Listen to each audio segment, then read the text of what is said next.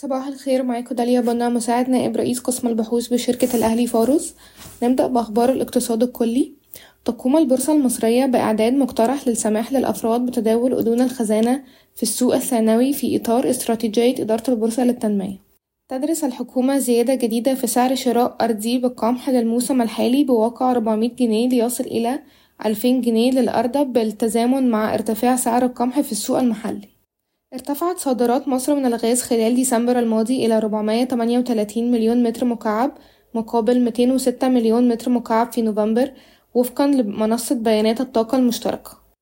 أما بالنسبة لأخبار الشركات والقطاعات قامت شركة حديد عز برفع سعر حديد التسليح بمقدار 3600 جنيه مصري للطن إلى 53520 جنيه مصري للطن مع زيادة سعر صرف العملات الأجنبية في السوق الموازية وقعت شركة إيجال اتفاقية تعاون مع شركة سكاتك النرويجية لبناء محطة طاقة شمسية بقدرة واحد جيجا وات في المجمع الصناعي بنجع حمادي.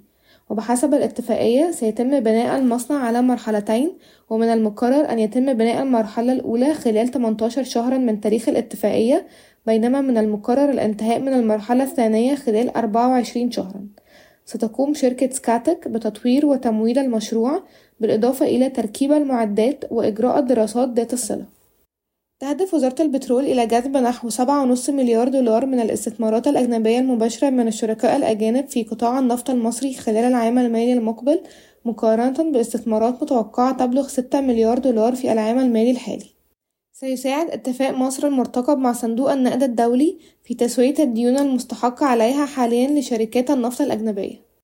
وأكد وزير النفط تقارير غير مؤكدة من العام الماضي تفيد بأن شركة الشرق الأوسط لتكرير النفط ستكون الشركة التالية من قطاع البترول ضمن برنامج الخصخاص الحكومي.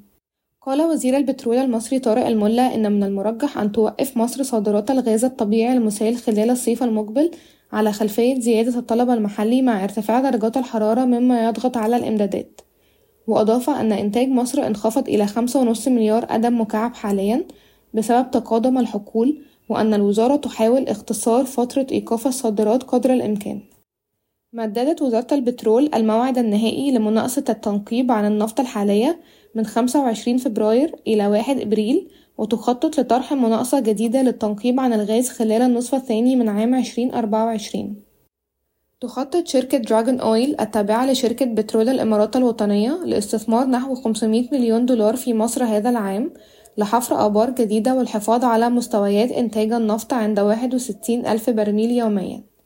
تريد شركة دراجون أويل زيادة إنتاجها من حقل شمال الصفا بخليج السويس إلى 8000 برميل يوميا العام المقبل من 6000 برميل يوميا حاليا.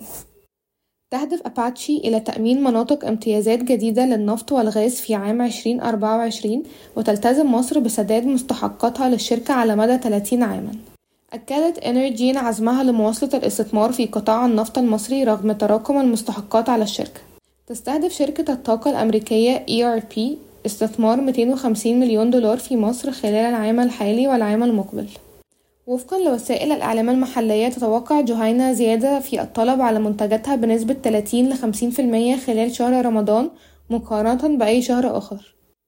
صرح عضو مجلس إدارة غرفة صناعة الأدوية ورئيس شعبة مستحضرات التجميل باتحاد الصناعات المصرية أن سبعين شركة أدوية طلبت من البنوك توفير دفعات مقدمة بقيمة 22 مليون دولار أمريكي للموردين الأجانب حتى تتمكن من شحن المواد الخام والأدوية والإمدادات من بلدان المنشأ إلى مصر.